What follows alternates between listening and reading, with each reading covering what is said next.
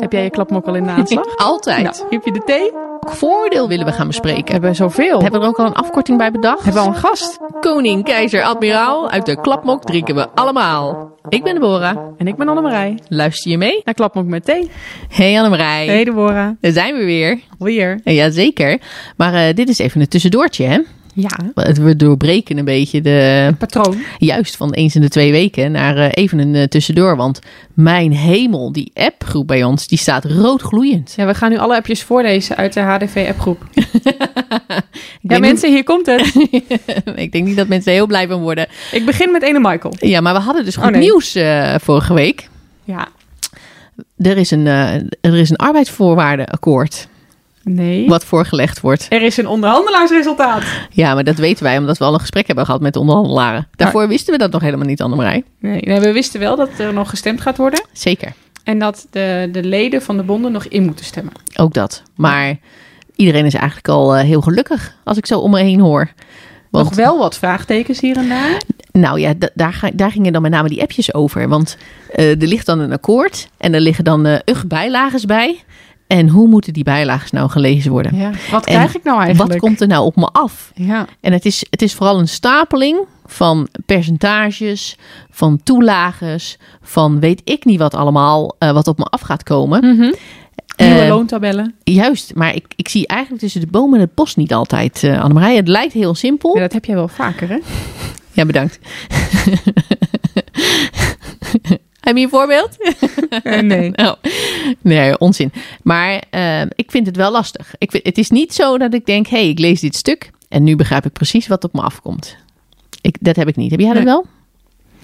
Ehm, nou, ik ben gewoon begonnen bij de loontabel. Laten we eerst eens kijken hoe dat loonhuis opgeleverd heeft. Dat leek me even het meest interessant. Nou, Ja. dat, daar kwam ik redelijk snel uit. Dus op zich Ja. ehm, vond ik dat meevallen, maar het was wel even zoeken. Ik voel, het voelde wel een beetje als een soort escape room puzzel. Ja. Wat moet ik er allemaal bij halen om uiteindelijk te zien wat het, eh, wat het me gaat Ja, opleveren? en dat zag er ook echt even heel anders uit. Ja. Qua nummers. Ik kon niet eh, gewoon mijn oude eh, nummer opzoeken en dat... Nee, dat bestond niet. nee, nee, Ik kon nee, niet nergens terugvinden. Ik denk, nou, ik, eh, ik zit nu in een bepaalde salarisnummer en eh, straks heb ik gewoon geen salaris meer als ik dit overzicht zie. nee, dus je hebt, eh, je hebt wel wat meer bijlagen die je even bij elkaar moet, moet sprokkelen. Ja, Ehm, maar ik denk dat het meest handig is als we de mensen die ervan zijn er gewoon eh, een uitleg over geven. Wat is er nou op ons op afgekomen? verstandig. Ja, Wat ligt er nou eigenlijk voor ons? ja. wat betekent het? Ja. Maar het- we, natuurlijk, in het najaar hebben we gesproken met eh, de voorzitter van de Nederlandse Officierenvereniging. eh, Niels van Woensel. Juist. Eh, een vriend van de show. Zeker. Maar dit keer gaan we het gesprek voeren met de onderhandelaar, Thijs van Leeuwen. Laten we maar eens even We luisteren. gaan lekker luisteren. Nou, go- goeie, goedemorgen Thijs. Ja, goedemorgen. Eh, welkom eh, in, onze, in onze podcast. Fijn dat je er wilde zijn. Nou, ik heb- Dankjewel dat ik er mag zijn. Nou ja, zeker. Zeker, want daar hebben we eigenlijk allemaal wel baat bij. Want Thijs, jij bent onze onderhandelaar. Ja, dat klopt. Maar wat is dat? Wat doe je dan precies? Ja, ja, het woord zegt het al, onderhandelen vooral. Ehm, maar zal ik me anders mezelf even eerst voorstellen? Dat lijkt me goed. Want ik denk eh, dat eh, niet alle luisteraars mij kennen. Ik ben eh, collega van de landmacht, dus ik ben eigenlijk van huis uit genieofficier. En sinds 2,5, bijna drie jaar nu ben ik de onderhandelaar namens de officierenverenigingen.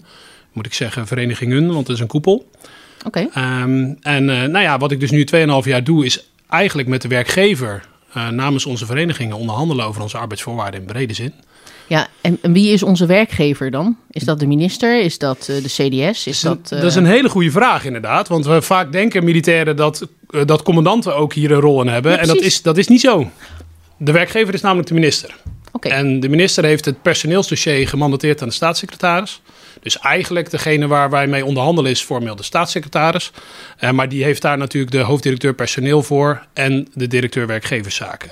Dus dat zijn de mensen waar wij mee onderhandelen als het, als het aankomt op eh CO, maar ook op andere dingen die moeten veranderen. En dat doe je samen met mensen van die andere koepels.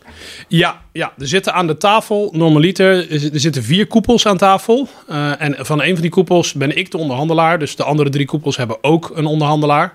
En wat je dus ziet is dat er de directeur werkgeverszaak aan de ene kant zit... en er zitten vier mensen van de bonden aan de andere kant. Ja, want de koepel is een, is, is een vakbond. Nee. nee, nee, dat klopt. Dat, het is ook onwijs complex. Het heeft, heeft ook even geduurd voordat ik het zelf begreep voor, toen ik dit werk ging doen. Ehm, maar het is eigenlijk zo dat ehm, eh, we vakcentrales hebben en onder die vakcentrales hangen eh, vakbonden. Dus eh, wij, hebben, wij horen bij de vakcentrale CMAF. Ik zal deze afkorting niet toelichten, maar we hebben een koepel van officierenbonden.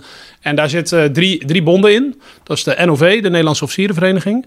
De KVMO, de Koninklijke Vereniging voor Marineofficieren. En de KVNRO, dus de Koninklijke Vereniging voor Reserveofficieren. Ehm, en ik onderhandel dus namens die drie bonden, moet je maar zo zien. En eh, nou ja, er zijn er dus nog drie andere onderhandelaars van de andere centrales. Ik kan me voorstellen dat dat af en toe best wel, ehm, nou ja, heftig is, deze baan. Eh, nou ja, als ik kijk naar de afgelopen weken is dat zeker waar. Ehm, en eh, overigens ook vorig jaar. Hè, want vorig jaar hebben we natuurlijk een, eh, nou ja, wat toen heette, een uitkomst gehad. Eh, volgens mij hebben jullie daar ook wel even over gesproken. ehm, in- Zeker. In, de podcast. Eh, en dat was niet zo'n succes. Dit is ook niet zo goed gevallen natuurlijk. Ook onze achterban heeft hij afgewezen. En eh, op zo'n moment is het best wel pittig. Want je wil heel graag iets doen voor het personeel. En dat lukt niet altijd. En dat is vorig jaar niet gelukt. Nou, gelukkig kwam er bij het kabinet, eh, kwam dit het nieuwe kabinet tot de conclusie dat er geld bij moest. Ook voor ons allemaal als personeel. En kon er nu in één keer wel wat. Maar er moest nog een hoop werk verzet worden om eh, nu tot de resultaten te komen. Ja, je zou eigenlijk verwachten hè, dat als er zoveel geld bij komt. Hoeveel geld ging het precies om? Hoeveel hebben we erbij gekregen? Ja, we hebben normaliter hebben we altijd, net als alle overheidssectoren, hebben we een referentieruimte, noemen ze dat. Dus dat is ruimte om gewoon loonsverhogingen en andere arbeidsvoorwaarden aan te passen. Ehm, maar we hebben dit jaar, eh, vorig jaar, eind vorig jaar, bij het, van het kabinet 500 miljoen extra gekregen. Dus dat is bovenop de normale ruimte die er is. Dus eh, Ja, dat is best veel. En dan zou je denken dat het onderhandelen dan toch makkelijk gaat. Met zoveel geld. Maar ik hoor toch eh, dat het niet zo makkelijk gaat. Waar ligt, hoe, hoe gaat het dan in zijn werk? Waarom is dat niet makkelijk dan? Nou ja, het, het wordt in ieder geval mogelijk, omdat er geld is. Dus, Ja, precies. dus Er is je weet ruimte niet- om te onderhandelen. Precies, er, er is iets eh, te verdelen. Maar dat komt natuurlijk ook omdat iedereen een ander beeld heeft hoe dat geld verdeeld moet worden. Ja. Dus, want elke centrale heeft zo zijn eigen achterban. Wij hebben een hele specifieke achterban. Hè. Ik vertegenwoordig de officieren, maar officieren Jullie kijken... willen alles gewoon naar de officieren. Ja, dat sommige mensen denken dat. Nou ja, vol- volgens mij hebben wij allemaal geleerd dat een goed officier eerst denkt aan eh, manschap en onderofficieren en zijn burgercollega's, zijn of haar burgercollega's, en dan pas aan zichzelf. Dus wij willen zeker niet alles naar officieren. Ehm, maar wij kijken wel ook specifiek naar de belangen van onze achterban. Zeker waar. Ja. Maar als ik dat nou zo hoor, eh, dan lijkt het wel eerst dat er een onderhandeling tussen al die eh, koepels zit. Voordat je begint te onderhandelen met een. Want anders wordt het toch met, met de organisatie, om maar zo te zeggen. Ja, dat, dat gebeurt regelmatig wel hoor. Dat de centrales proberen af te stemmen. we, we zijn nu eigenlijk ehm, in deze onderhandeling voortgerold uit, het, eh, uit de situatie van, het afgewezen, van de afgewezen uitkomst van vorig jaar. Maar toen we de onderhandelingen vorig jaar zijn gestart, hebben wij ook met een aantal centrales hebben we een gezamenlijke inzetbrief gedaan. Dus dan ga je van tevoren al samen zitten. Wat vinden wij belangrijk? Kunnen we elkaar vinden? Dan kan je ook samen sterk staan. Hè? Oh, jij vindt dit belangrijk, ik vind dat belangrijk. Nou, Hè, dan nemen we het allebei op en dan eh, steunen we elkaar in, de, in, die, in die standpunten tegenover de werkgever. Dus dat gebeurt zeker. En, en dat merk je ook dat op het moment dat jullie elkaar eh, als, eh, als centrales vinden, dat je dan ook inderdaad sterker staat ten opzichte van eh Defensie? Ja, absoluut. Want, want eigenlijk de besluitvorming of de totstandkoming van het resultaat gaat bij meerderheid formeel. Hè, het liefst wil je dat iedereen erachter staat. Dat is ook het mooie van dit resultaat. Dat is ook zo. Het resultaat wat nu voor ligt, daar staan alle partijen achter. Ehm, maar dat hoeft niet per se. Het kan ook zijn dat één of twee partijen zeggen... nou ja, van de, twee van de vijf kunnen er afvallen, bij wijze van. Dan heb je nog steeds een meerderheid, zolang de werkgever het maar wil... en twee centrales willen het, dan kan je een, een resultaat bereiken. Nou, dus de werkgever is altijd op zoek naar in ieder geval een meerderheid. En als je dan dus als centrale samen staat... zegt van ja, met ons is een meerderheid te bereiken. Het is net politiek. Dat, dat, met ons is een meerderheid te bereiken, maar dan is het wel dit pakket. Ja, dan eh, is dat voor de werkgever ook eh, aan de ene kant lastig, aan de andere kant ook wel duidelijk. Dan weten ze ook waar ze aan toe zijn. Ja, en, en al die vier die, eh, die, die centrales, hè, die koepels waar je het over hebt, die hebben allemaal evenveel stemrecht, zeg maar. Of is de ene groter dan de ander en heeft daardoor Het weegt, meerwaarde of zo? In essentie hebben, eh, zijn er gewoon vijf stemmen aan tafel. Dus de werkgever heeft natuurlijk altijd de doorslaggevende stem. Want als die iets niet wil, gaat het niet gebeuren. Dat, Ja. is, eh, dat is duidelijk. Maar in principe heb je gewoon vier stemmen. Als het heel erg op het randje is, dus er zijn twee centrales voor, twee tegen, dan kan er nog wel gekeken worden naar de grootte van de centrales. Maar in essentie speelt dat niet direct mee. En ja, er zijn natuurlijk verschillen in de, in de groottes van de centrales. Dat is zeker waar. Ja, en dat ligt natuurlijk aan het aantal leden dat ze hebben. Ja, en bijvoorbeeld wij zullen eigenlijk nooit de grootste zijn bijna. Want er zijn natuurlijk veel minder officieren en vergelijkbare burgerfunctionarissen in de organisatie... dan dat er manschap en onderofficieren en burgers in totaal zijn. Dus Ja, als je een brede achterban hebt die vanuit alles eh, samengesteld is... dan heb je, kan je in, in essentie een grotere achterban bereiken. Ja, dat zou misschien dan meer doorslaggevend kunnen zijn. Of uiteindelijk wanneer eh, een akkoord, of eh, dat heet niet nog een akkoord, hè, wat, wat er nu ligt. Het is meer een voorgenomen besluit. Het is een onderhandelaarsresultaat noemen we dat. Dus de, de onderhandelaars, zowel van Defensie als van de centrales, hebben gezegd... wij vinden dit een uitkomst. Maar ja, wij gaan er niet over, want ik werk natuurlijk voor mijn leden. Ja, precies. Want het wordt nu, zeg maar, het onderhandelaarsbesluit wordt nu voorgelegd aan de leden. Ja. En die gaan, eh, en die gaan aangeven of ze het mee eens zijn of niet. Ja, wa- wat we nu eerst gaan doen is voorlichten. Dus we gaan proberen eh, mensen te overtuigen eh, van de inhoud in ieder geval. En, dan, en in dit geval, wij geven een positief advies. Dus we gaan ze ook overtuigen dat, wij, dat we vinden dat ze in moeten stemmen. Maar goed, het besluit ligt altijd bij de, bij de leden zelf. En bij ons is het zo, dat verschilt een beetje per centraal hoe, of per vakbond hoe het werkt.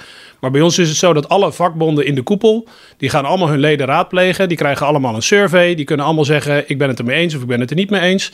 En de meerderheid der stemmen bij ons telt. Dus als de meerderheid zegt ja of de meerderheid zegt nee, nou dan is dat de uitkomst die wij naar, terug naar de tafel brengen.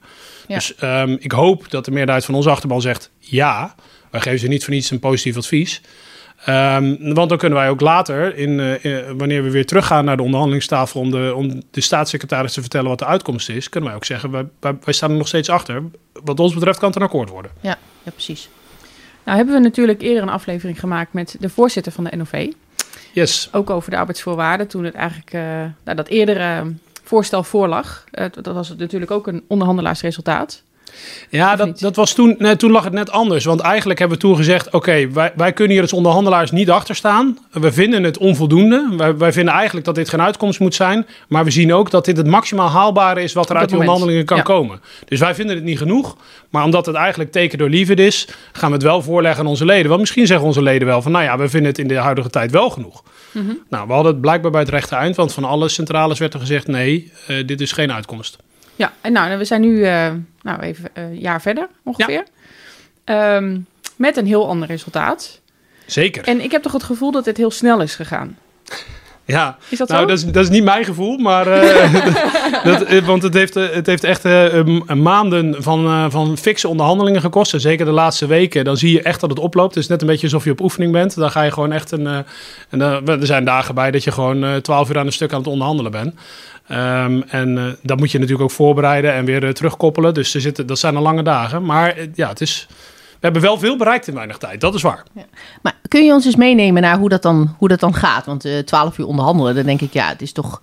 Je bent het toch of een keer eens of je bent het een keer niet eens. Waarom, waarom duurt dat zo lang? Hoe werkt dat? Ja, nou, ik moet altijd uitkijken met wat ik zeg. Want eh, wat er aan de onderhandelingstafel gebeurt, dat is eh, in essentie vertrouwelijk. Hè? Dus hoe dat proces loopt, maar ook wie, wie wat zegt of welke standpunten worden ingenomen. Daar moet ik altijd mee uitkijken. Want nou ja, wat het laatste wat ik wil is mijn collega's tegen het hoofd stoten. Ehm, maar hoe dat in essentie gaat, is dat we van tevoren vaststellen: hey, waar gaan we deze dag over hebben? Dus er wordt gewoon een vergaderagenda gemaakt. Ehm, en er, zijn, er komen dan ook stukken voor. Hè? Dus daar ligt dan een onderbouwing onder. Van oké, maar welke onderwerpen gaan we het over hebben? Wat, wat is dan de essentie? Er kunnen mensen een inzet doen. Ehm, of er, komen, nou ja, eh, er komt feitelijke informatie vanuit de werkgever over een bepaald onderwerp. En dan kunnen we daarover gaan discussiëren. Maar ja, het is, een, het is ook een beetje een, eh, een spel. Iedereen denkt natuurlijk ze gelijk te hebben. Gaat proberen de andere partij te overtuigen. En daar waar dat niet lukt, ga je proberen van... nou, als ik jou nou dit geef, en jij, en dan krijg ik dan dat ervoor terug. Dat is natuurlijk ook eh, hoe dat in essentie gaat. En ja, er kan ook heel lang gesproken worden over teksten. Want jullie hebben het resultaat denk ik gezien. Er staat behoorlijk wat op papier. Nou, over elk woord wordt over het algemeen wel gewikt en gewogen. Dus er zit heel veel tijd in. Ja, precies. Ja, het is niet zomaar even een document opstellen, maar elk woord is dan inderdaad hoe interpreteer je dat en eh, hoe leggen we dat dadelijk uit? Ja, en dan zit er ook bij de centrales, dat, eh, zitten er ook juristen bij. Dus dat eh, moet Oh, iemand hier aanspreken. Ja, nee, daar heb je het al. Oh, nee. Daar gaan we. Ja, precies. Want dan, dan is het, hoe leg je dit woord dan uit? En eh, nou, mijn jurist zegt dat, het, dat je het zo moet zien. En eh, nou, daar wordt, daar wordt best wel over, eh over gebakkeleid, kan ik wel zeggen. Ik zit nog snel een 12 uur op zo'n dag. Dus Ja. een beetje inkoppertje. Ja, fijn, fijn. Dus, maar er, er zit veel tijd in. Maar ik ben er wel van overtuigd, en daar ben ik ook eerlijk gezegd wel trots op, dat wij in die maanden die we hieraan hebben besteed, dus eigenlijk effectief een beetje vanaf de kerst, hè, begonnen het, eh, begonnen te lopen, ehm, z- zijn we wel echt heel ver gekomen. Dus het heeft ook langer geduurd dan ik had gehoopt dat we nu met een uitkomst komen. Maar we leveren dan ook wel iets op, is mijn mening. Mhm. Ja, want het, is, het verschil is natuurlijk best wel groot met waar we vorig jaar naar hebben gekeken. Ehm, is dat nu omdat jullie zo goed hebben onderhandeld of omdat er vanuit, eh, ook vanuit de werkgever nu eigenlijk iets heel anders, eh, een andere insteek was? Nou ja, dus ik denk beide. Eh, om, onszelf, de onderhandelaars, maar ook even een, een, een veer in de te steken. Ehm, eh, maar ehm, nee, ik, denk dat het vooral ook komt door die 500 miljoen die er was. Dus het vorige kabinet eh, heeft besloten om die 500 miljoen vrij te maken. Maar ook daar is een heel proces aan vooraf gegaan. Daar hebben wij ook, ook als eh, vakbonden eh, ook ons echt hard voor gemaakt richting de politiek dat het geld er moest komen. Eh, dus toen dat geld er eenmaal was, dan kan er in één keer veel meer. Dat is één.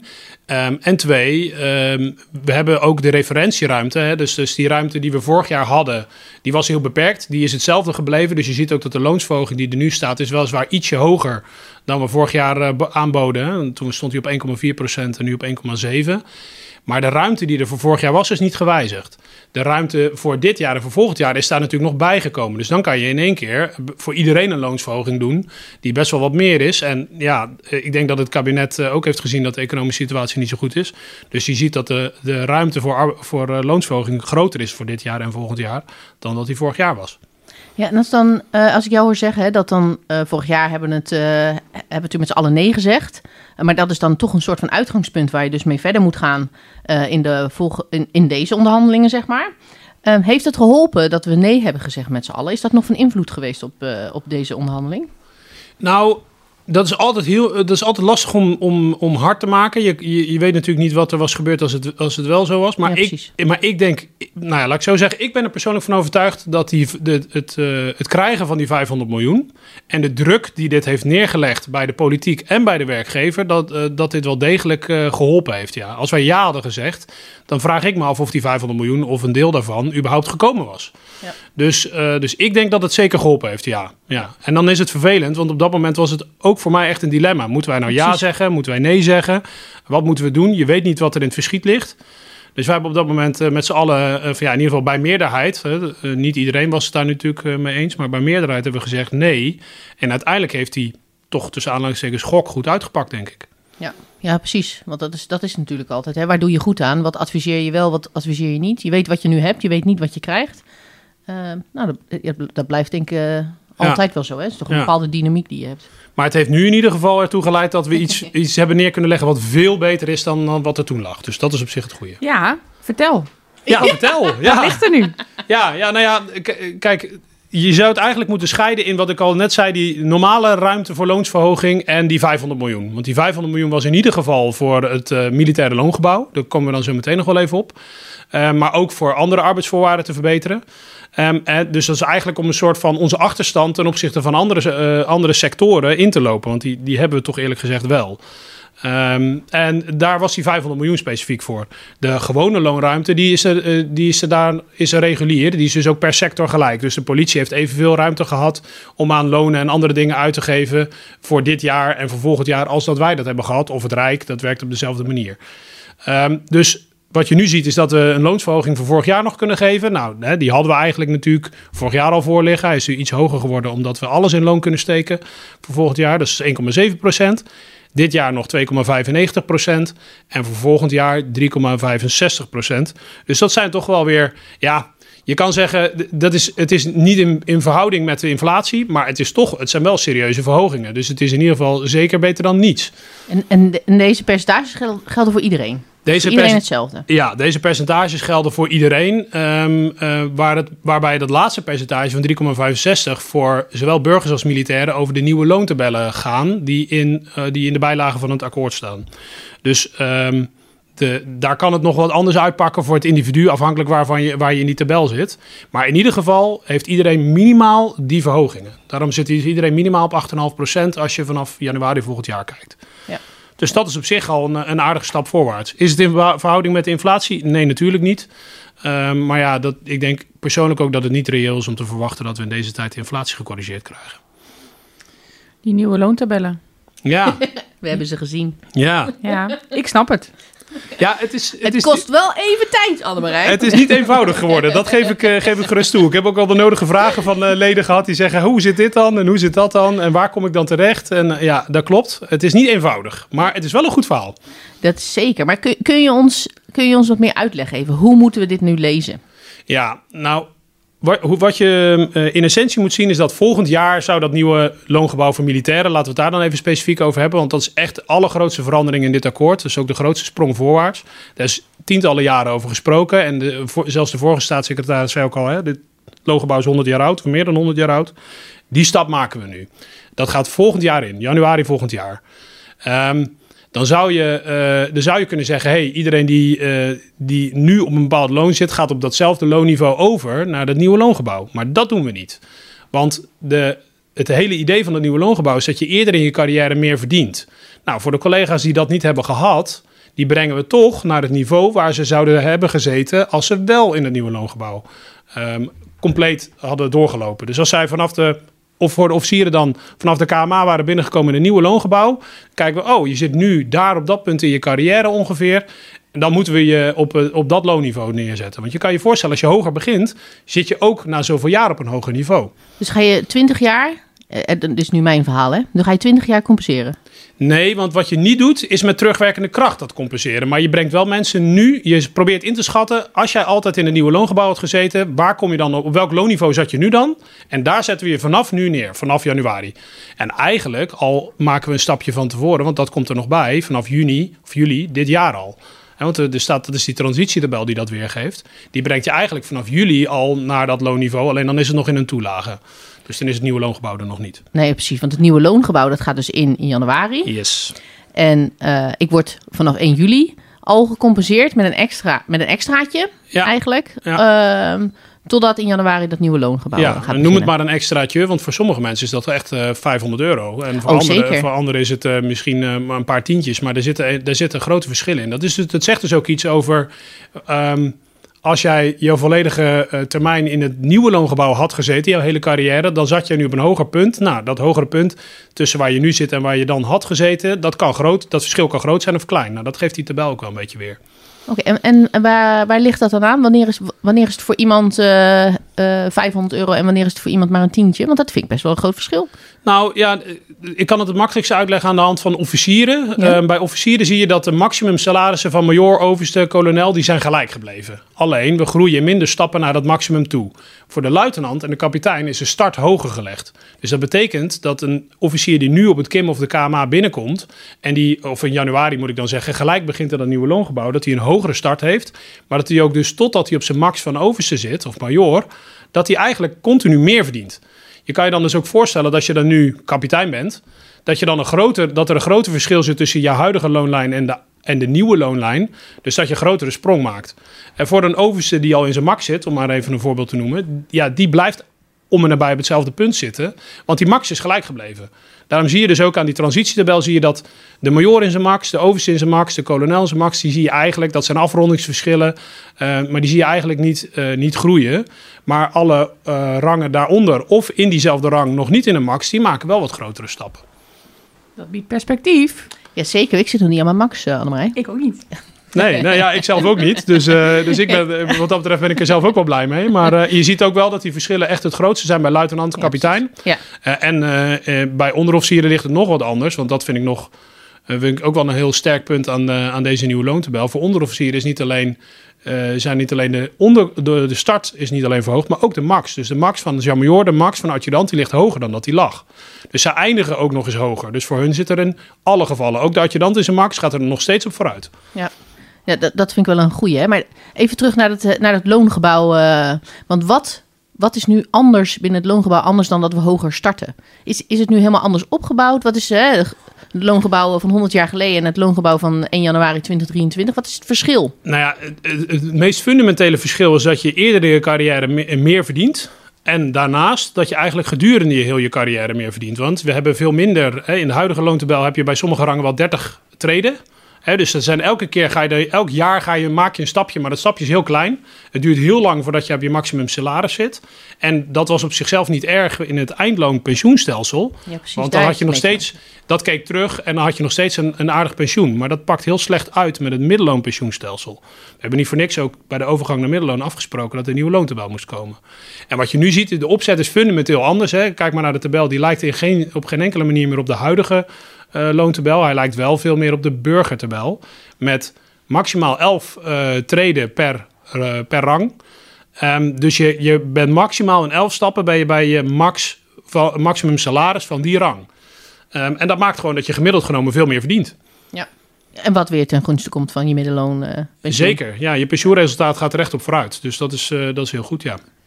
Ja, dus als mensen dit zelf willen opzoeken, dan is dus het grootste verschil als je in die tabel gaat kijken, dat je ineens niet meer in je, de treden zit waar je altijd, eh, die je hebt opgebouwd, Ja. maar dat je even naar zo'n overgangstabel moet. Op Ja. welk nummer kom ik nu uit in mijn rang? En dan kijk je eh, wat je gaat verdienen. Ja, eigenlijk, want nu hebben we een combinatie rang en salarisnummer. Die geeft jouw eh, salaris weer. Hè? Ehm, eh, en er zijn heel veel combinaties. Straks zijn er veel minder combinaties, maar dan is het eigenlijk rang en salaris treden. Dus je hebt per rang heb je er maximaal 11. Een- Of ik moet eigenlijk zeggen 12 posities, 0 tot en met 11. Ehm, dat zijn er maximaal dus eh, 12 posities per rang. Dat zijn er nu veel meer. En we hebben straks dus ook niet meer de systematiek dat je elk jaar een salarisnummer erbij krijgt. Want dat bestaat gewoon niet meer. Het salarisnummer is straks weg. Je krijgt wel, totdat je je max zit, elk jaar een trede erbij.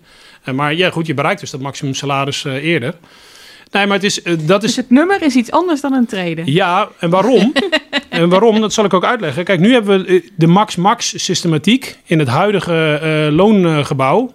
Het is zo dat ook al zit je in je maximum salaris, jouw, jouw treden, het telt toch door. Dus als ik in de max van major zou zitten, eh, moet ik even opzoeken welk eh, salarisnummer daarbij hoort. Maar als ik dan een jaar ouder word, of een jaar langer in dienst ben, hè, de combinatie, eh, dan gaat dat, dat de nummer telt wel door. En als je dan dus bevorderd wordt, dan spring je op dat nummer over naar de nieuwe rang. Oh ja, dan begin je natuurlijk niet onderaan. in de... Ja, Maar hoe zit het dan dadelijk als ik... al- hè, nou goed, ik, ik, ik, ben, ik ben net bevorderd. Maar stel, ik was nog major geweest. En ik eh, zit dan in een bepaalde eh, treden. En ik zou dan nu overste worden. Ga ik dan niet van... eh, in het nieuwe, syste- nieuwe stelsel zou ik dan bijvoorbeeld in... nou, in, in, in major en met een eh treden 6 zitten of 7. Ja. Ga ik dan niet automatisch door naar overste 6? Wat Of ga ik dan naar 0? De- nee, je moet het zo zien. Eigenlijk zijn horizontaal zijn de bedragen gespiegeld in de nieuwe tabel. Dus je gaat in principe horizontaal over naar de volgende rang. Dus je gaat opzij en dan maak je een stapje naar beneden. Dus je moet het zo zien. Eh, eh, Zo zit de tabel in elkaar. De tabel loopt van, van linksboven naar rechtsonder. Het is een soort kaartlezen. Ja, ja, het is Ja. een soort kaartlezen. En, het en is dan moet je alleen luisteren op. en dan kun je niet kijken. Dat wordt wel heel...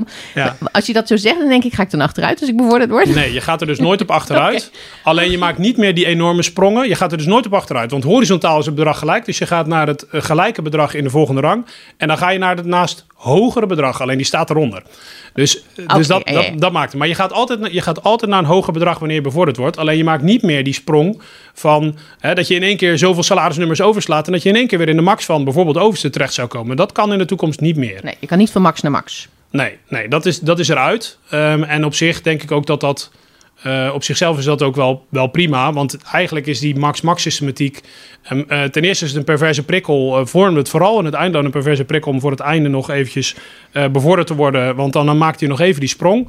En ten tweede, het is ook een beetje een gelijkmaker... tussen de snelle en trage carrières. Maar waarom zouden we dat, waarom zouden we dat willen nog in de toekomst? Wel belangrijk wil ik hierbij zeggen dat voor de mensen die nu een max-max sprong in het verschiet hebben. Dus alle collega's die binnenkort denken, nou, als ik volgend jaar bevorderd word of dit jaar nog, eh, dan maak ik nog die max-max sprong. We hebben afgesproken dat er voor hen een overgangsmaatregel is, want anders zouden ze wel degelijk nadeel kunnen hebben. En we hadden ook afgesproken dat niemand nadeel had van een nieuwe loongebouw. Dus daar hebben we ook een, eh, een maatregel voor, eh, voor afgesproken. Die mensen krijgen nog steeds een, die gaan dan niet als in essentie niet per se naar de max-max, maar die krijgen gewoon zoveel klikken meer mee in de volgende rang dat ze soms nog steeds op de max uitkomen.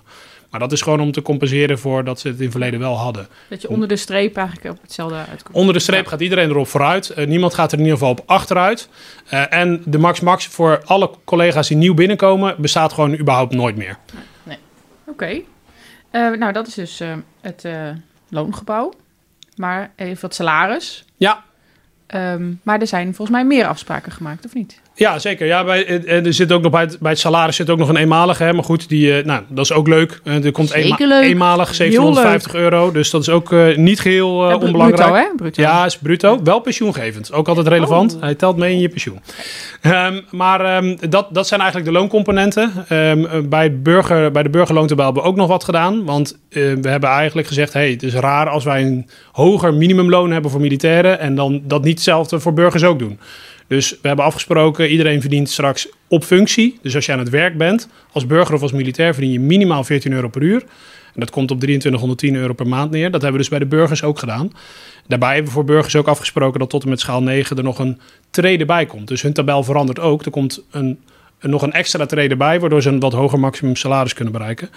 En volgend jaar krijgen al die mensen die in die schalen zitten allemaal ook een klik. Dus die maken een extra klikje.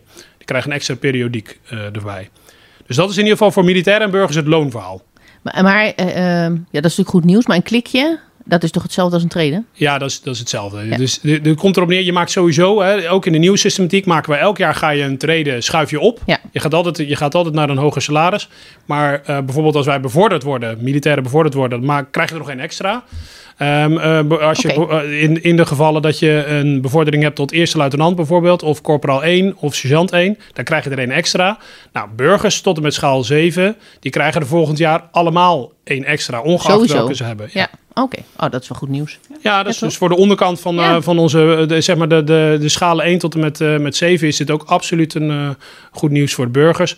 En zij krijgen allemaal een iets, ze hebben een inkomenstoeslag, een beetje technisch verhaal voor als je er niet in zit, maar die, daar, die worden ook opgehoogd. Dus ook alle burgers hebben nog een extraatje naast de 8,5% die iedereen krijgt. Ja. Ja. Nou, ik denk dat het goed is. Ja, maar er zit nog meer in, zeker. Hè, loon is natuurlijk wel de grootste, maar er zitten ook nog eh, een aantal andere elementen in. En belangrijker voor heel veel medewerkers is denk ik het woon-werkverkeer. Woon-werkverkeer Ja. en thuiswerken. Ja, we kennen allemaal de prijzen aan de pomp. Die Ja, zijn, eh, Ja, Deborah, ik ga niet met de trein. Ik zou willen dat ik niet met de trein zou hoeven. oh, nou ja, ik, ik reis naar Den Haag altijd met de trein en het bevalt Ik mij ook. prima. Maar Ja. eh, dat, eh, ik, ik- bij mij bevalt het prima, want ik kan in de trein lekker werken.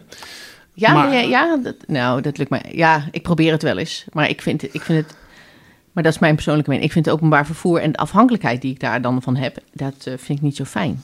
Hmm. Want ik heb niet één directe verbinding. Ik moet een paar keer... Ik moet al, ik moet al twintig minuten in de auto om naar het eerste beste station te reizen. Is natuurlijk mijn keuze om te gaan wonen daar waar ik woon. maar dat, het vreet zoveel tijd. Ja, dat ben ik met je eens. Want voor mij kost het ook van deur tot deur. Ik moet eerst een stukje fietsen, dan kom ik op het station. Dan moet ik een stoppertje pakken en dan de Intercity. Dus, Precies. dus dat, dat is absoluut waar. En in Den Haag pak ik dan een OV-fiets en dan fiets ik weer heel Den Haag eh, rond. Ehm, maar ik vind het wel een ontspannen manier van reizen. En in, als ik in de Intercity zit, dan kan ik gewoon meer dan een uur kan ik echt werken. Dus dat ja, werkt dat is wel waar. Daar heb je gelijk in, absoluut. Dus, nou, maar goed, ja, de, ehm, voor de NS verandert er ook iets. Want als je alleen nog maar zakelijk reist, dan hoef je geen eigen bijdrage meer eh, voor je Oh. businesscard te betalen. Kijk, dat is wel gunstig. Dus dan moet je hem alleen maar zakelijk. Als je hem ook privé wil gebruiken, geldt dat niet. Maar als je hem alleen zakelijk wil gebruiken. Deborah gaat toch nooit met de trein? Nee, eigenlijk niet. Maar ik moet Als je wel- zo afgelegen woont, dan is dat ook wat eh, lastig, kan ik me Ja, voorstellen. ja, tegen de tijd dat ik bij het station ben, dan, ben ik, eh, dan heb ik een mega straal te pakken waar ik ook wel heen kan gaan. Maar nee, ik moet, maar ik moet heel eerlijk zeggen, ik, reis, ik reisde, reisde, reisde nooit met... Slecht. Ik reisde nooit met de trein hiervoor. Eh, maar sinds ik hem heb, ben ik eerlijk gezegd wel, eh, denk ik nou op één hand te tellen natuurlijk, eh, wel al privé een paar keer Ja. in het weekend met mijn Nou ja, goed, dat is dus een keuze die je Ja. straks kan maken. Is die nou, eigen dat die bijdrage... keuze er is, dat vind ik wel fijn. Ja, is je eigen bijdrage het je waard? Je hoeft dus, als je hem alleen maar zakelijk gebruikt, dus voor woon-werkverkeer en dienstreizen, hoef je geen eigen bijdrage meer te betalen. Kijk, dat is goed. Nou, dus dat is, dat is prima. Dat geldt ook voor, voor iedereen. Ehm, maar vooral de grote wijziging is toch de kilometervergoeding. Hè? We weten allemaal dat de Belastingdienst zegt... je mag 19 cent per kilometer belastingvrij vergoeden. Eh, maar wij zaten daar bij Defensie eh, nooit op. Hè, dat, hebben we, dat hebben we al eh, in jaren niet gehaald. En nu gaan we daar wel naartoe. Dus we gaan nu naar dat, naar dat maximum van 19 cent per kilometer. We blijven wel een beetje in de huidige systematiek hangen van forfaitair. Dat betekent dus dat, dat je een maandelijkse vergoed- vergoeding krijgt... eh, op basis van jouw reisgedrag. En niet dat het al een declaratiebasis is. Dus niet, oh, ik reis nu en die registreer ik en dan dat declareer ik. Daar, dat zal waarschijnlijk in de toekomst op een, in een andere vorm wel komen. Maar nu blijven we vasthouden aan deze. Dus ook wanneer jij een week vrij bent, loopt jouw vergoeding door. Eigenlijk zoals het nu ook is. Zoals nu ook is, maar dan met veel hogere bedragen. En blijft dan het cafetaria-model ook nog? Of, of verdwijnt die daar hiermee? Daar kom ik zo op. Dat is wel een goede vraag. Daar kom ik dan zo op. Maar eh, eerst, eh, die, nog wat wel belangrijk is dat wij zeggen ten opzichte van de huidige vergoeding, is dat wij wel naar rato gaan. Dus nu is het zo, of je nou één dag of vijf dagen reist, dat maakt niet uit. Je krijgt die forfaitaire vergoeding. Daar zegt de Belastingdienst van ja, dat is mooi. Maar als je maar één dag reist, dan is het dus veel meer dan 19 cent per kilometer. Dat kan niet zo, maar dan moet je belasting betalen. Ja. Nou, dus om, daar, eh, om dat op een goede manier in te richten en eigenlijk ook fair in te richten. Het is natuurlijk ook een beetje raar dat, dat iemand die maar twee dagen reist, dat hij evenveel krijgt als een collega die vijf dagen naar de werkplek moet. Dus vooral voor de mensen die elke dag naar de werkplek moeten, is dat best wel oneerlijk. De, de mensen die vier of vijf dagen reizen, gaan straks veel meer krijgen. Ehm, en de mensen die drie dagen reizen, daar hangt het er een beetje vanaf wat je reisafstand is. Dat kan of wat meer of wat minder zijn, maar dat, dat ligt een beetje rond hetzelfde niveau. Ehm, en de mensen die twee of één dag eh, reizen, die krijgen minder. Eh, maar daarnaast krijgen alle mensen die ook thuiswerken ook nog een internetvergoeding en een thuiswerkvergoeding. Nou, echt. Ja, En Echt, het, eh, waar gaan we het dan opmaken, Annemarij? Ik weet het niet. nou de energierekening misschien. ja, dat is ook zo. ja, ja, dat Hoef is- ik zelf niet te doen, het wordt gewoon bij me weggehaald. Ja, ja, precies. Nee, maar goed, dit zijn wel, dit zijn wel stappen voorwaarts. Er zijn natuurlijk eerlijk gezegd ook andere sectoren die het al lang hadden, maar het is goed dat we dit nu krijgen, ja. Dan over je vraag over het cafetaria-model. Ja, Dat blijft nu nog. We houden nog het cafetaria-model. Dus voor degene die, eh, die, die nog een fiets eh, wil, wil uitruilen, of dat, dat, die mogelijkheden die blijven. Er wordt ook iets uitgebreid. En we hebben afgesproken dat we echt wel toe willen naar een eh, wat uitgebreider model. Dat noemen ze dan het individueel keuzebudget. En dat hangt er vanaf wat je er allemaal instopt. Maar bij andere sectoren zie je dat daar vaak ook uren in gekocht of verkocht kunnen worden. Dus dat je een deel van je uren die je hebt weer kan Oh, omruilen in geld. Of ja. dat je uren kan omzetten in een fiets. Of nou, zo zijn er allerlei. Of dat je uren kan kopen als je meer vrij wil. Dat soort mogelijkheden ehm, gaan we onderzoeken. Dus het wordt nog niet zeker wat er allemaal in komt. Maar we willen wel gaan kijken naar het inrichten van een individueel keuzebudget. En ik denk dat dat ook een grote stap voorwaarts zou zijn. Oh, absoluut. Ook, ja, als je dat... eh, mijn broer heeft dat. Het is echt fantastisch. En zeg ik, nou, zoveel vakantiedagen. En denk ik, nou, ik zou wel een weekje extra willen. Nou, dan Ja. koop je dat toch? En ik koop ik dat. Ik kan helemaal geen uren kopen. Nou, Oh, mijn echtgenote die werkt in de zorg en die hebben dat ook al heel lang. Ja. En die kan bijvoorbeeld een sportschoolabonnement kan zij gewoon eh, uitruilen. Nou ja, perfect. Dat soort mogelijkheden. Ja, sportschoolabonnementen hebben de meeste militairen niet nodig. Maar, eh, maar dat soort Nee, maar goed, mogelijkheden maar het kan idee wel. is wel... eh, Ja. ik, ik vind dat wel heel goed, ja. Ik, Ja. vind, dat, ik vind dat leuk. Ja. Het motiveert wel, vind je niet? Ik word daar helemaal blij van. Ik zie het aan je. Meer maar ik heb- keus. Ik heb, dat ook. Meer Ja. keus. Nou ja, maar, maar inderdaad. Maar dat je dat, en dat wil, je best wel, wil ik best wel tegenover zetten. eh, eh, Ja. eh, Ja, dat, maar gewoon zijn, die mogelijkheden zijn, eh, zijn. Wat, wat wil je daar tegenover zetten? Oh, Geld. harder werken. Harder werken natuurlijk. Want ik eh, ga al mijn vakantiedagen natuurlijk inruilen voor extra geld. Want ik hoef helemaal niet op vakantie. Gewoon eh 80 uur werken. Lekker. Ja, nou, jij liever dan ik. Ik doe het nu al, dus eh, voor mij hoeft het niet. Maar, nee, nee, eh, ehm, maar ik denk ook dat dat echt wel stappen voorwaarts zijn. Dat het Ja. wel goed is. Ja. ja. Ja. Ehm, en ik moet natuurlijk, als vakbondsman moet ik natuurlijk ook even zeggen dat de vakbondscontributie er ook weer in zit. Dus mensen die lid zijn van een vakbond kunnen ook weer voor dit jaar en volgend jaar een contributie uitruilen in, eh, ten opzichte van hun, eh, hun eh, eindejaarsuitkering. Even, even wachten hoor. Wat? Wat? Dat Wat zeg je betekent, nou? dat, betekent, dat betekent dat je je vakbondscontributie eigenlijk eh, af kan trekken van, eh, van je belasting. Dus die, die wordt belastingvrij, kan je die, eh, dan wordt die wat goedkoper. Daar komt het eigenlijk op neer. Goed dat je het zegt. Ja. Ja, je bent tenslotte net lid geworden. Ja. Nou, kijk, heel goed. Heel goed. Nee, maar dat, dat, eh, dit zijn de opties die we in het verleden ook al hebben gehad. Eh, we hadden het in het verleden al een keer de vakbondscontributie, de laatste jaren niet. Eh, maar eerder hebben we die al wel gehad en die zitten er nou ook weer in. Dus als dit een akkoord wordt, hè, dat is altijd even nog de vraag. Mogen de leden eerst wat van vinden. Maar dan kan dat ook nog. Dus dus extra stimulans om lid te worden van de vakbond. Als ik dit zo begrijp.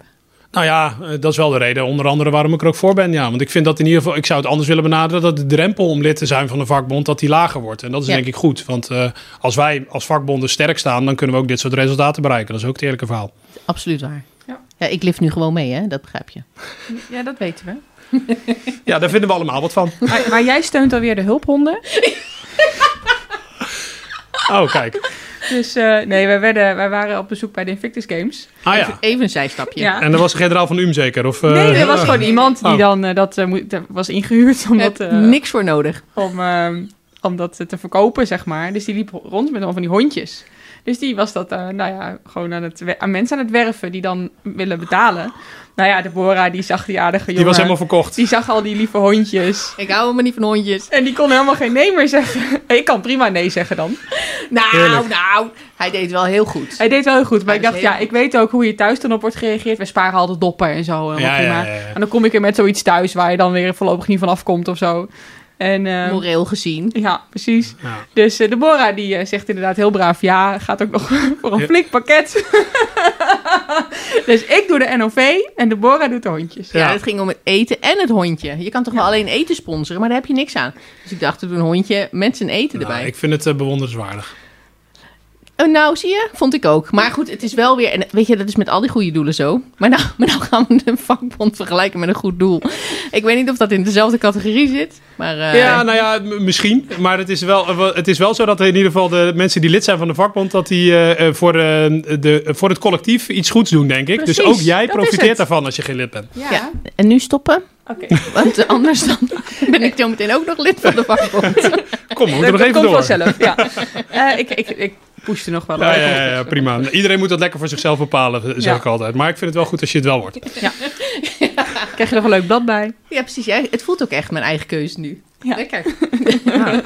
Maar uh, hebben we nu alle resultaten besproken? Nou, er, er zit, er zit natuurlijk van alles in. Maar ik denk wel dat dit de belangrijkste elementen zijn. Ik wil er nog wel één benoemen. Want uh, dat is ook wel weer voor militairen. Hè? Dus, dus uh, dat is, ja, voor de burgers, dan, die zullen misschien denken... er zit wel heel veel militairen in.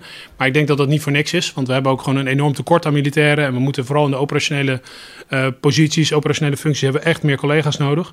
Dus het is goed dat daar ook met deze, deze uitkomst aandacht voor is, denk ik.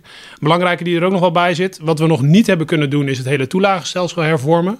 Dat moet ook nog. Daar zijn ook weer vervolgafspraken over gemaakt. Maar wat we wel doen, is in ieder geval de oefentoelagen... de meerdaagse activiteiten, zoals die officieel heet...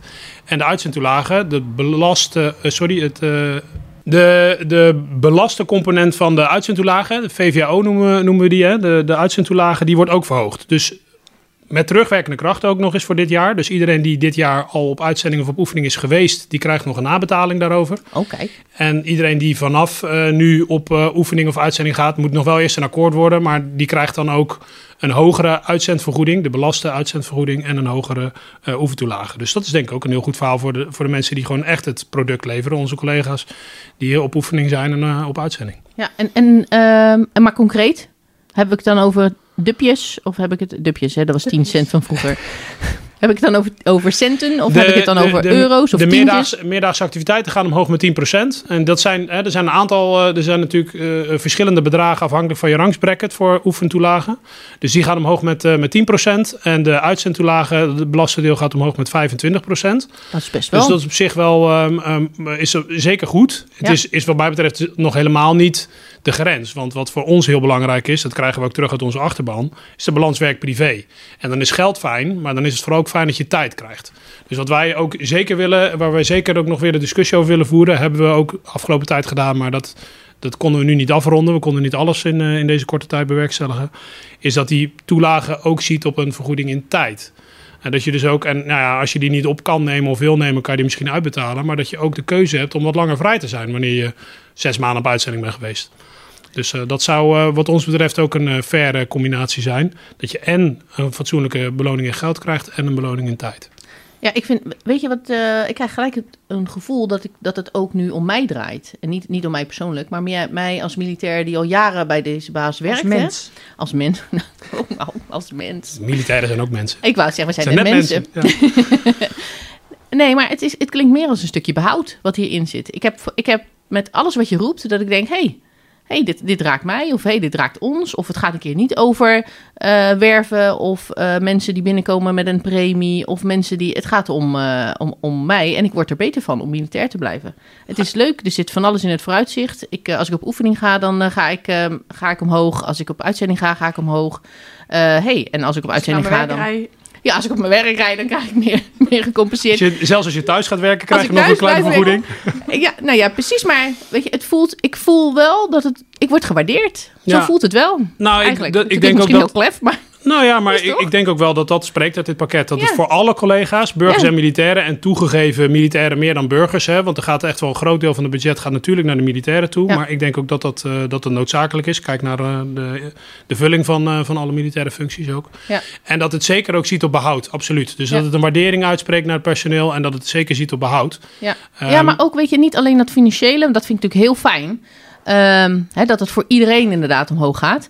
Ehm, maar ook dat die mogelijkheden er straks gaan komen. Dat ik het kan uitruilen tegen tijd. Hè? Want je zegt dat werk-privé-balans. Hoe lekker is dat? Hoe belangrijk is dat tegenwoordig? Hè? Dat vinden wij als militair, als mens, is dat een veel belangrijker item geworden in de afgelopen jaren dan dat het misschien vroeger was. Ja. Ehm, Ik denk ook je dat het ook wel meespeelt na, eh, na een bepaalde periode bij Defensie. Dat er daardoor ook collega's weggaan of kiezen voor een andere positie in plaats van de militairen. Dus dat ze bijvoorbeeld burger worden, omdat die balans werk-privé eh, zoek raakt. Ik heb zelf ook drie kleine kinderen. Nou, dan kom je daar ook wel achter dat dat. Hè, dan is op uitzending gaan of op eh, oefening gaan is iets minder makkelijk dan, dan wanneer je die kinderen nog niet hebt. Nou ja, precies. Weet je, afhankelijk van de levensfase waarin je zit. Weet je, als, Ja. dan kun je die keuzes maken. hè. Als je jong bent, wil je gewoon veel geld. En als je wat ouder wordt, dan vind je geld heel fijn. Want met al die kleine kinderen Kost ook er ook kost heel geld. veel geld. Maar dan is misschien die vrije tijd is, eh, is, veel is waard. heel veel waard. Ja. Ja, ja. als je dan en die we moeten, mogelijkheden we moeten dus over die tijd moeten we echt nog een discussie Ja. gaan voeren. Maar dat is zeker onze inzet. Wij gaan daarvoor, want we vinden dit heel belangrijk. En we krijgen ook uit onze achterban terug dat dit gewoon heel erg, eh, heel erg belangrijk eh, wordt gezien. Zeker bij de collega's die dus inderdaad die eerste jeugdige fase in de organisatie door zijn. Ja. Eh, die, die willen ook wat meer tijd. En eh, nou, volgens mij werken we steeds, steeds meer om te leven en leven niet om te werken. Ook bij Defensie. Ja. Dus eh, daar zullen we mee moeten, denk ik ook. En Ja. ik, ja, daar ga ik me in ieder geval hard voor maken nog weer in de volgende ronde. Als dit een akkoord wordt. ja, want je mag nog even blijven. Hè? Ja. En we hebben alle vertrouwen daarin eigenlijk. Oh, nou, Nou, dankjewel. dit akkoord. Niet dat? dankjewel. Ja, ja, ja. ja, en ik ben nu dan vooral even benieuwd. Wat gaat er dan nu precies gebeuren? Hè, want wa- wanneer gaan, moeten we stemmen? Eh, wanneer ehm, gaan er dan dingen echt starten? Nou ja, dat hangt er sowieso al vanaf of je lid bent van een bond of niet. Hè? Dus iedereen die niet lid is van een bond, die mag niet stemmen. Dus eh, dat ik is mag eh, niet stemmen. jammer, Deborah, sorry. Als je nog snel lid wordt, dan krijg je nog een link, dat beloof ik je. Maar, eh, nee, maar iedereen die niet lid is, die, ehm, eh, die, die, die mag dus niet stemmen. Maar die kan natuurlijk wel naar de voorlichtingen toe. Want wij gaan, en dat is denk ik ook wel, wel uniek, we gaan gezamenlijk het land in. Niet alleen de bonden, maar ook de werkgever. Die afspraak hebben we gemaakt. Moeten we nog even invullen, maar we gaan gezamenlijk het land in. Dus we gaan voorlichten. Dat doen we ook als bonden weer zelf naar onze eigen leden. Dat doen we eh, zowel fysiek als online. ehm, Via podcast. Via podcast, via, de, via, de, eh, via onze webpagina's, via social media. We doen het op alle mogelijke manieren. Hè? En we proberen ook met onze tijd mee te gaan. Ehm, en dan eh, zal bij ons volgende week de survey online komen. Dus ik moet zeggen, ik weet even niet wanneer de podcast online komt. Maar eh, die, Ongeveer dezelfde tijd. nou, kijk, heel goed. Dus ergens op. ehm, eh, ergens in de komende weken kan iedereen zijn stem uitbrengen die lid is, bij ons dan. Maar dat hangt echt even af van welke vakbond je lid bent. Bij ons gebeurt dat middels een anonieme survey. En dat is echt per bond afhankelijk hoe dat precies werkt. Ehm, maar dan eh, kan je je stem uitbrengen. Je kan ook, ik zou zeggen, ga ook vooral naar die voorlichtingen toe. Stel moeilijke vragen aan ons, maar ook aan de medewerkers van de HDP. Hè, dan, eh, want er zitten altijd nog wel wat snackjes eh, in. En eh, iedereen heeft zoiets van: neem mij nou. Hè, hoe, waar word ik ingeschaald en waarom is dat al zo? En, en waarom krijgt mijn collega meer of minder? Da- stel die vragen vooral. Oriënteer je en dan mag je, mag je stemmen. Ja, en de deadline is dan? We hebben afgesproken 7 juli weer met de staatssecretaris om de tafel te gaan. Dus dan gaan we weer terug naar tafel. Dan heeft iedereen zijn achterbanraadpleging afgerond. En dan kunnen we tegen de staatssecretaris zeggen wat het personeel ervan vindt. En dan start het? Als stel dat het ja is? Nou, de, de, de, in principe start het op 1 eh, juli al. Want dat zie je ook in, in het resultaat staan. Hè. De, wat is geschreven als een akkoord. Dus zie je staan op een aantal dingen gaan eigenlijk gelijk in. Sommige dingen gaan met terugwerkende kracht in. Nou, en zoals gezegd, het loongebouw, het militaire loongebouw gaat op januari dan effectief in. Maar dat hangt even van de afspraak af. In principe gaat het gelijk in. Ja, Wat een goed nieuws. denk ik ook. Goed nieuws show. nee, heel, ja, echt heel positief. Mooi. Ja. Wat ga je stemmen? Nou ja, natuurlijk. Ja, Ja, dat is heel goed. ik ben voor. Nou, Ja. nou, daar ben ik blij om. Maar eh, hey, Thijs, heel erg bedankt voor de uitgebreide ui- uitleg. En ehm, eigenlijk alles wat wij wilden weten, dat eh, hebben we nu wel redelijk scherp. Absoluut. En Nou. nou. nou ja, we weten wat we moeten stemmen. En Deborah weet dat ze even lid moet worden, zodat ze ook kan stemmen. Ja, precies. Deze week nog. Nou wordt het wel een beetje peer pressure. Ja, nee, het, eh, nou ja, ik vond het hartstikke leuk om te doen. Dankjewel dat ik deze kans kreeg. En eh, ik eh, hoop dat, eh, veel collega's, dat ik veel collega's ga zien die eh, allerlei vragen gaan stellen. En dat ze dan net zo enthousiast zijn als jullie. Ik denk dat dat wel goed gaat komen. Vast wel. Dankjewel. Ja, die Thijs, hè? Ja, Heeft hij goed voor elkaar. dat heeft hij echt goed geregeld. Ja. Eh, zo voelt het wel hoor. Ja. ja. Zullen we direct gaan winkelen of eh, ja, wachten we nog even? Nou, zo voelt het wel hoor. Echt dat je denkt, eh, mijn hemel, het komt er een hoop op ons af. Eh, Verbouwing. Een verbouwing. Oh, ja. oh, jij denkt gelijk al wanneer je het uitgegeven nieuw huis. Nieuw huis. Nieuwe auto. ja, nee, ik denk dat dat wel meevalt. Maar ik vind wel, ehm, ik, het, het doet me wel wat. Ik Ja. word er wel heel ik blij zie het van. aan je. Ja, maar zie, zit ik, Ik te zie het stralen? echt, ja. Stralend zit je erbij. Ja, bedankt. Nou, ik hoop dat de luisteraar dat ook denkt. Ja. Althans, als je natuurlijk een, eh, eh, ja, bij Defensie werkt, om maar zo te zeggen. Want anders dan heb je natuurlijk helemaal Dan niks denk, aan. ja, dan denk je echt, oké, hebben, ze, hebben ze helemaal een nieuwe aflevering gemaakt? Gaat het hier over? Juist. Maar ja, dat is wat cherrypicking, hè? Als je een Ja. aflevering luistert, de ene luister je wel, de andere niet. Ja. Dat is. Maar eventjes nog, eh, wat, ik, wat ik natuurlijk nog wel even interessant vind, is dat dit akkoord is natuurlijk voor drie jaar. Hè, dus, dus dan zou ik denken, over Ja. drie jaar komt er een nieuw akkoord. Maar zo werkt het dan eigenlijk weer niet, hè? Want dit is dan weer een akkoord wat, wat met terugwerkende kracht allerlei, eh, hè, naar die 8,5% bijvoorbeeld gaat en, en dat soort zaken. Ehm, maar dit is dus eigenlijk al een akkoord wat over de afgelopen anderhalf jaar gaat. En de komende anderhalf jaar. Ja. Dus eigenlijk... Dat is niet eh, zo lang. Nee, en Thijs gaf al aan hè, dat er ook genoeg is waar ze nu nog mee verder moeten gaan. Wat nog verder Ja. eh, eh, uitgekristalliseerd moet worden. Ehm, of waar verder over onderhandeld moet worden eigenlijk. Zo moet ik het eigenlijk zeggen. Ehm, dus dit is, natuurlijk, dit is natuurlijk afgesproken werk voor de, voor de afgelopen anderhalf jaar en de komende anderhalf Ja. jaar. Eh, dus we zitten eigenlijk alweer in de onderhandelingen voor het nieuwe akkoord. Ja, een nieuwe ja, CO. Dat, dat gaat denk ik naadloos in elkaar over. Ja, hè? dat Ja. blijft maar doorgaan. Wat ik ook nog wel interessant vind, we hadden natuurlijk net eh, nog even aan hem gevraagd van hoe zit het nou precies? Stel, eh, er wordt gewoon ehm, ja gestemd Ja. en het gaat gebeuren. Ja. ja, wanneer gebeurt dat dan? En Wanneer komt dat geld allemaal? Wanneer krijgen we dat dan? Juist. En wanneer kan ik gebruik maken van al die regelingen? Ja. Ja, toen hoorde al dat het moet natuurlijk ook nog worden ingevoerd. Hè? Ja. Dat zijn wel dingen die moeten technisch ook nog even geregeld worden. Even en zo. praktisch. Ja, p- gewoon, het moet praktisch gewoon even gebeuren. Ja. En dat we nou zo omstreeks augustus, september waarschijnlijk de eerste dingen wel terug kunnen gaan zien. Ja, ja ik, denk, ik denk sowieso tot aan januari dat er wel iedere keer, eh, wanneer Zal er iets komen? Ja, Ja. Dat, dat verwacht ik wel. Kijk, eh, ik verwacht niet dat we de hele bubs nu gelijk in juli eh, krijgen. Nee, nee, dat, dat kan natuurlijk niet. Nee, nee, nee. Dus ik verwacht eigenlijk dat gaandeweg voor het komende jaar... dat iedere keer alles met terugwerkende kracht Ja. uitbetaald gaat worden. Ja. Nou, wel leuk. Nou, leuk. Toch een beetje extraatjes elke Dat maand. is hè? helemaal niet verkeerd. Nee. Ja. Nee, leuk.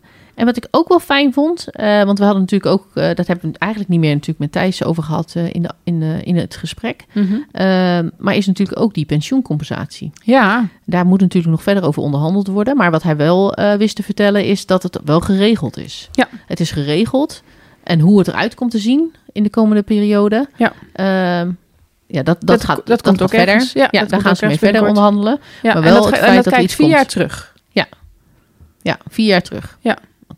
Dus, eh, Ja. Vanaf 2019 dan, hè? dus dat is ook nog wel interessant wat dat, nog zeker weer, eh, interessant gaat, dat gaat, opleveren.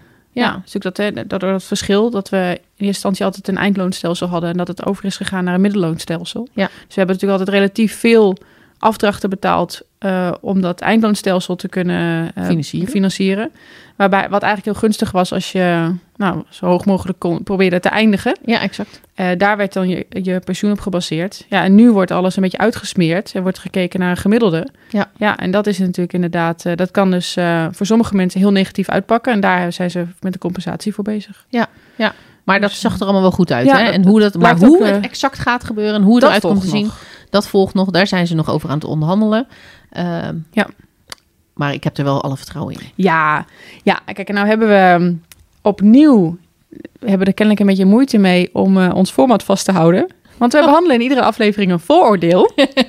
en Oh, nou hebben we ja, net nog tegen elkaar gezegd... We moeten in onze intro even goed hebben over ons vooroordeel van deze aflevering. We moeten onszelf wat beter We voorbereiden. moeten onszelf veel beter voorbereiden. nou, dat hebben we net natuurlijk weer even niet benoemd. Maar eh Deborah verwees eh, in het begin van deze aflevering al naar de eerdere aflevering die we hebben gemaakt met Ja. Niels van Woensel over de arbeidsvoorwaarden, gebed zonder einde. Ja.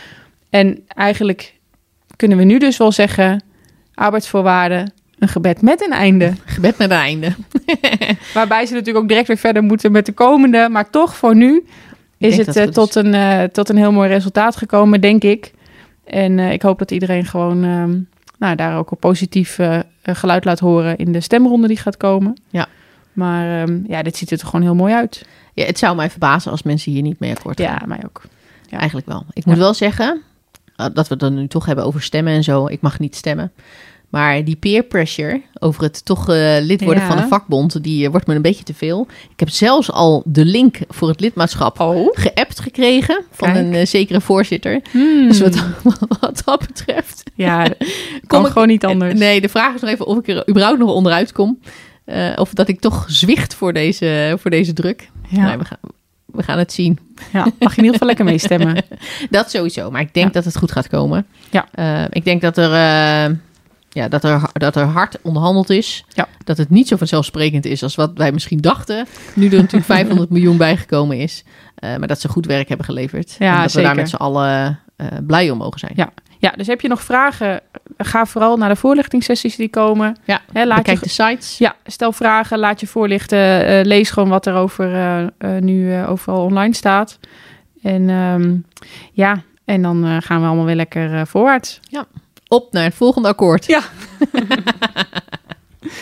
Nou, dan eh, zijn we aan het eind van deze aflevering. Ja, Annemarij, eh, dat is even een tussendoortje. Om, eh, om iedereen zoveel mogelijk te kunnen informeren over hoe, wat, wat het nu eigenlijk betekent, zo'n akkoord. Ja. Wat voor ligt. En ik hoop dat jullie daar ja, voordeel aan, Ja, iets aan uithalen. hebben. Juist, Ja. geïnformeerd zijn.